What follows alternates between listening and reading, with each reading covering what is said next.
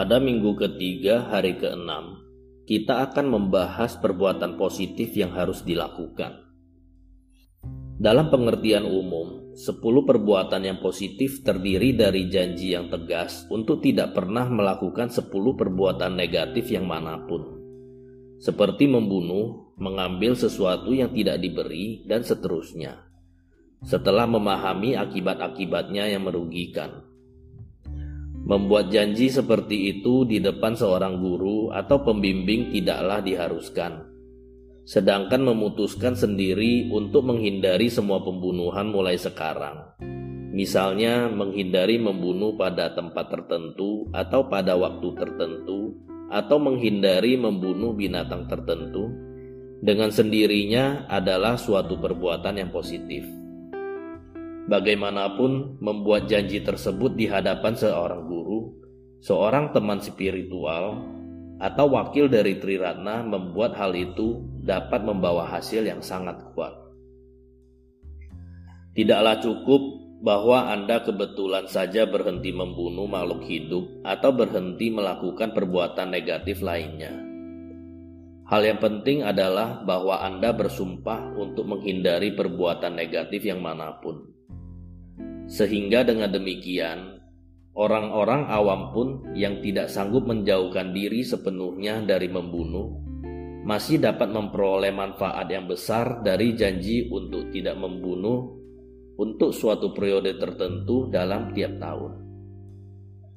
Atau sepanjang bulan pertama, bulan mukjizat, atau sepanjang bulan keempat, yang dikenal dengan bulan Waisak atau pada setiap bulan, waktu bulan penuh atau bulan baru, atau pada hari, bulan, atau tahun tertentu. Dahulu kala, seorang tukang jagal di kota tempat Katyayana yang agung tinggal, berjanji bahwa ia tidak akan membunuh pada malam hari. Ia dilahirkan kembali di neraka tersendiri di mana ia disiksa sepanjang hari dalam rumah logam merah berpijar. Tetapi ia melewatkan setiap malam di sebuah istana, nyaman dan bahagia, ditemani empat orang dewi. Jadi, sepuluh perbuatan positif adalah terdiri dari menghentikan sepuluh perbuatan negatif dan melakukan hal-hal yang merupakan penawar racun tersebut yang bersifat positif.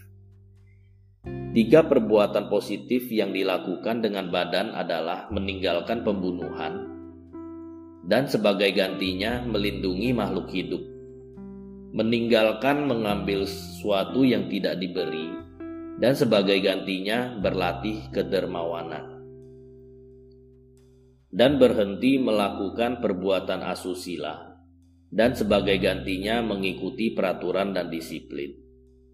Empat perbuatan positif yang dilakukan dengan ucapan adalah meninggalkan berdusta, dan sebagai gantinya mengatakan kebenaran, berhenti mengadu domba, dan sebagai gantinya mendamaikan perselisihan, tidak berkata-kata kasar, dan sebagai gantinya berkata dengan ramah, dan untuk mengakhiri obrolan iseng, dan sebagai gantinya melafal doa.